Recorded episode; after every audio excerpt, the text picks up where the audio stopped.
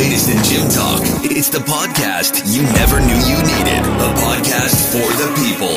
Like Trevor and Tommy bring you The Squat Rack Diaries.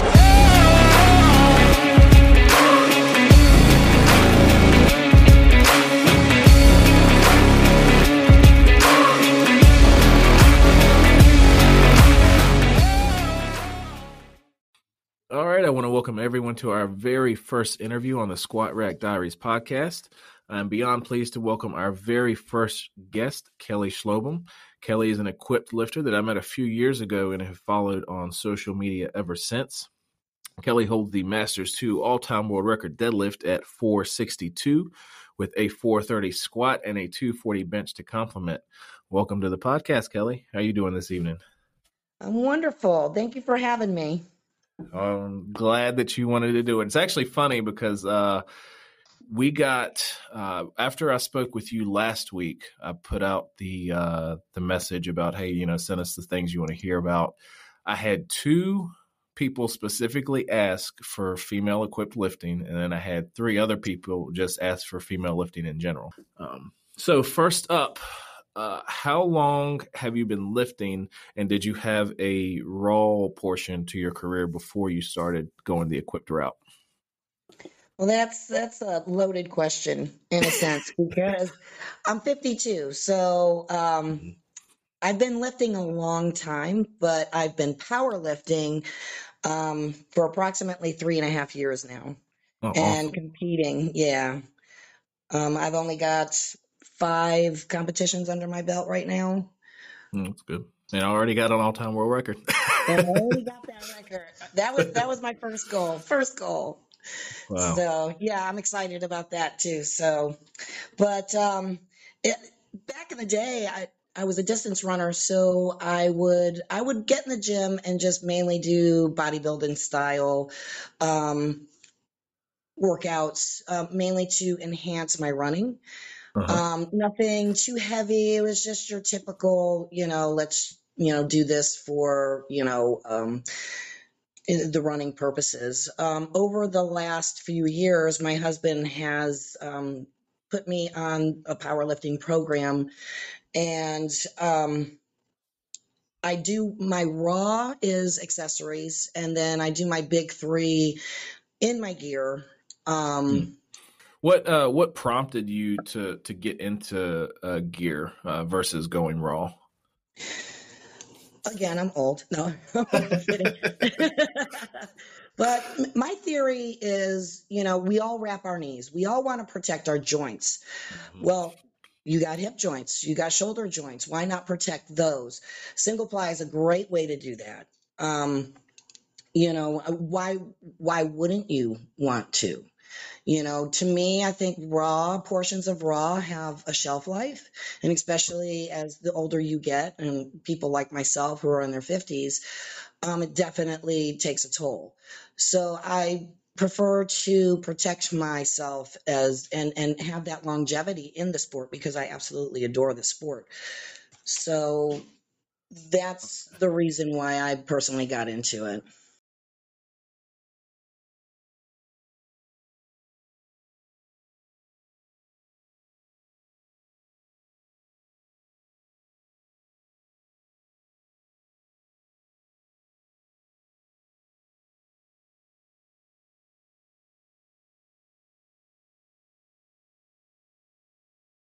Awesome. Uh, so I think you said you lift uh, single ply. Uh, what's the difference in single versus multiply, and uh, which category do you lift in?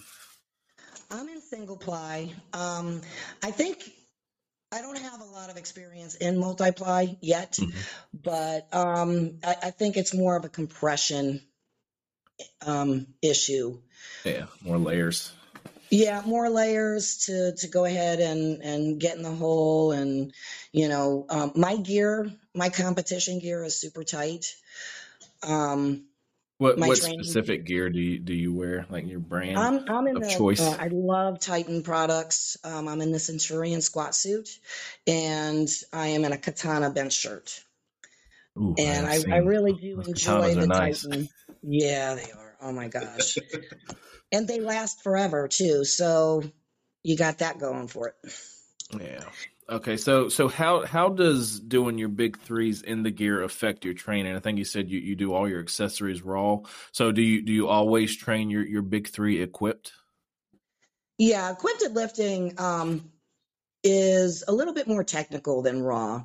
Raw, Mhm. you have a little bit more play, I think, um, from my experiences back in the day. Um, but I have to slow things down. I have to really concentrate on where I am, and that slowing that down gives me that opportunity to to reset. Let's say I'm in the squat and I'm going down, I'm going down, and you know I feel myself going forward. I have time to to sit back more and keep mm-hmm. going, keep going, keep going, and then for me personally, I can feel the compression, and I know when I'm in the hole and when I'm parallel, and then I can shoot back up. That's So that's yeah. really the only the only difference between raw and geared, I think, is the technicalities. You know, it's a little bit more technical. Okay, I'm gonna I'm gonna throw one question in actually. Uh, with with being equipped, do you do you lift by yourself or do you usually have uh, uh lifters with you that you know coach you through you know your depth and everything else? So you, you do everything pretty much on your own. No, equipped, um, you have to have a crew. Okay. You definitely have to have a crew. It's um, not only for safety and not only for different viewpoints, but also to call depth. Um, Yeah. Yeah. You know, like, and I guess you can have a crew. You, I think everybody should have a crew, even if you're lifting wrong. Have a crew. You know, you have eyes. Yeah. It's. You know.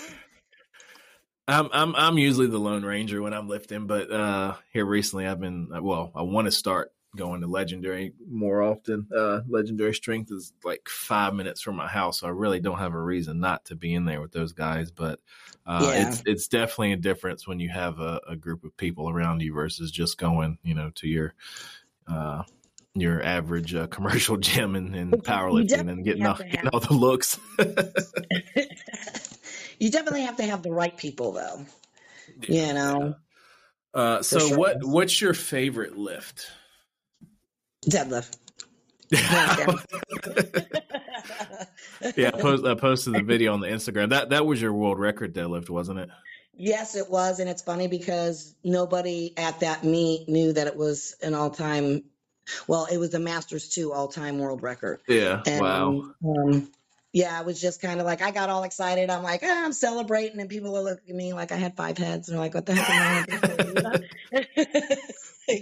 and then they found out later it, it was um, Jordan Wong down in South Florida. You know, he realized like two weeks later, he was like, "Oh, by the way, I somebody broke an all-time you know world record." It, it was it was pretty funny.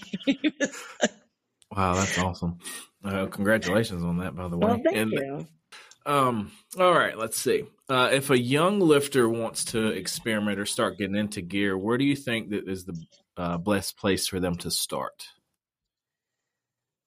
Um, it depends on the area they live in, but the best Mhm. place for them to start is um, social media, other outlets, and just start talking to people that are geared. Um, we love to talk about geared lifting. Uh, you can talk to any geared lifter, and they'll go on for days and days and days and talk about lifting.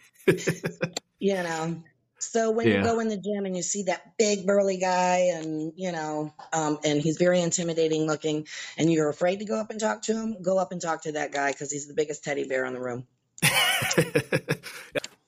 All right. So with with lifting uh, equipped, uh, what how does that affect uh, like your accessory training? Do you do you train uh, you know different sets of accessories than like the average raw lifter would? No, we all use the same muscles. Um, You know, use the same groups. Yeah, I don't. I don't. The only thing that I do would that would probably be different than today's youth would be I train like I did 30 years ago. Hmm. Um, I I keep everything very simple. I like to say, let's kiss. Keep it simple, stupid. You know, it's it's it's not rocket science, and it seems like today's youth, the kids that are coming into this now, they need to. They have the this thing that they just want to make it more and more and more and add this and add that and Mhm. you don't have to. I do three accessories for, you know, legs per day. You know, if I'm going to you know, have squats. I'll do three accessories for legs. That's Mhm. it. I'm done. Um, you know, my warm up, my cool down, you know, but I don't, you know, these kids, they just, I don't know, spend four hours in the gym doing something that's shouldn't Yeah, be done. you can get it get it done in an hour, and yeah, exactly. It's it's just mind boggling to me. And then you know, I just I call it German Shepherd head tilt. I just look at them and tilt my head a little bit. It's so funny. Uh, So- so do you, do you have a coach or uh, who does your your programming for you? My husband, my husband is my coach. Yeah, Oh, and he is awesome. Probably one of the I, I would consider him the, one of the top coaches in the United States right now. Wow, that's awesome. Uh, Yeah. Okay, I, I have to ask, uh, where did Honey Badger come from? As a bonus, Uh, bonus question. That's a loaded question too. Um, honey Badger. It actually came from Harry Potter because I'm a huge Harry Potter fan. oh, okay. Go Hufflepuff. That's all I got. um, but also I I you know, just those stupid little things. You're like, oh, what's the coolest animal? What's the animal that I can relate to? And honey badger would be it. I'm just old and grumpy and fierce. I don't care anymore. You know, I Yeah. got to that age and it's like, okay, whatever.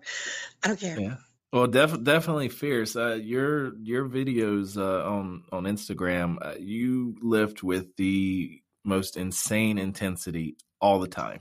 I, I, I go into the gym, you know, some days and I'm I'm dragging, and then you know your videos are on there, and you, you're all fired up and yelling, and you know got the music blasting, and uh, that, that that's awesome.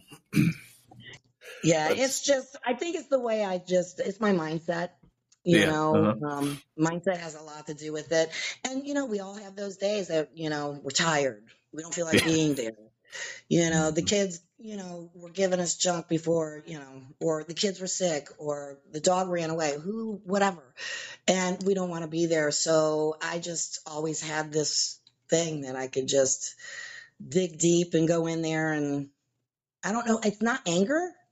I think it's Uh-huh. more adrenaline to make me get like that. I don't know. I black out. I go what Dave Tate likes to call the void, Yeah. and that's where I go. It's just this blank black hole, and I don't remember anything. And then I come to, and they're like, "Wow," you know. Okay, all right. to the second half of this interview, uh, we're going to dig more into, uh, you know, finding out the the why behind your lifting. We know how you do it. Uh, we know the the way you train, uh, the gear you use. So um, now I want to find out more of what drives you as a lifter. Uh, so what what does lifting mean to you, Kelly? And what's your why? Why do you do this? Oh, because I love it. I adore it. I wish I would have found this when I was in my twenties. I really Mm. do. Um, Mm-hmm. it's just the basis of life to me. You get everything that you need in life out of lifting. Um, you get determination, you get growth, you get um, mental strength, you get physical strength. Um, you you get so much out of lifting that um, I just there's so much that it gives me. I don't think I could ever give back to it enough but um, I'm I'm in love with it. I guess I guess that's the best way to put it. That's my why. Yeah, yeah, that's that's. I know a lot of people. Um, you know, that's liftings. You know, that outlet. You know, it's that that one thing. It doesn't matter what's going on on the planet. It's you've got the gym. You Go to the gym, I mean, throw, throw some plates on, and just move some weight. Yeah, that's the one place where nothing else matters. Hmm You know, you can just go into the void and get it done and forget the world and you know, it's it's wonderful. Yeah, my my oldest uh, Michael Jr. He's 14 and he's he's starting to get into the gym and he goes every day after school. And uh, you know, I'm trying to you know he's got his little group of friends that go and you know I try to keep telling them you know just put the phones down for a little bit, just put the phone down, lift some weights, you know, just just feel it. And you know then after you're done there then you know go back to the social media and everything else. But just that, exactly. that, that one little period of the day when you're in the gym just shut everything off and just be there. Yeah exactly. Be in the moment. That's i think a lot of people lost that over the last few years with you know the internet and the phone and you know i've mm-hmm. watched all of that grow over the last 20 years. And it's amazing how far we gotten we went backwards. People got stupider. Yeah. I don't disagree with you on that one. Uh, uh, what what is what has been your biggest hurdle uh, that you've had to overcome uh, during your your lifting? Hands down i would say mental strength and mindset.